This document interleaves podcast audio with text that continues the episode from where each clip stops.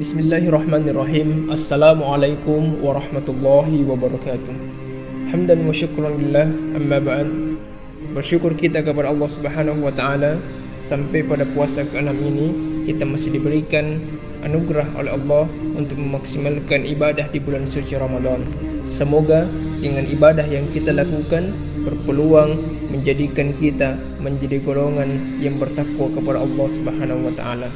Saudaraku yang berbahagia, Allah Subhanahu wa taala memberikan gambaran di dalam Al-Qur'an bahwa puncak seseorang yang dinilai sukses dalam menjalankan puasanya adalah orang yang bisa meraih derajat takwa.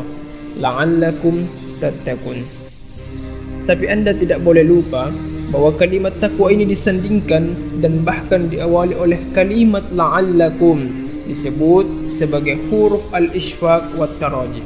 Secara bahasa saudaraku sekalian, Kata isfaq ditafsirkan oleh para pakar ulama sebagai huruf yang menunjukkan pada harapan tertinggi yang mustahil bisa diraih kecuali dengan kesungguhan dalam mewujudkannya. Seakan-akan Allah ingin memberikan pesan kepada kita yang puasa bahwa tidak semua orang yang menunaikan puasa dan beribadah akan meraih takwa kecuali dengan orang yang serius dalam mengerjakannya. Karena itu, Nabi sallallahu alaihi wasallam memberikan pesan yang kuat tercantum dalam hadis riwayat Ibnu Majah nomor 1690. Rubbus sa'imin hamzahu min syamihil ju wal ads. Tidak sedikit orang yang berpuasa tidak mendapatkan apa-apa kecuali lapar dan haus saja. Penting bagi kita saudaraku sekalian mengingatkan dan memahami bahawa jika anda ingin meraih takwa, menemukan ibadah terbaik, maka tidak ada cara lain kecuali kita bersungguh-sungguh dalam menunaikan setiap amalan di bulan suci Ramadan ini.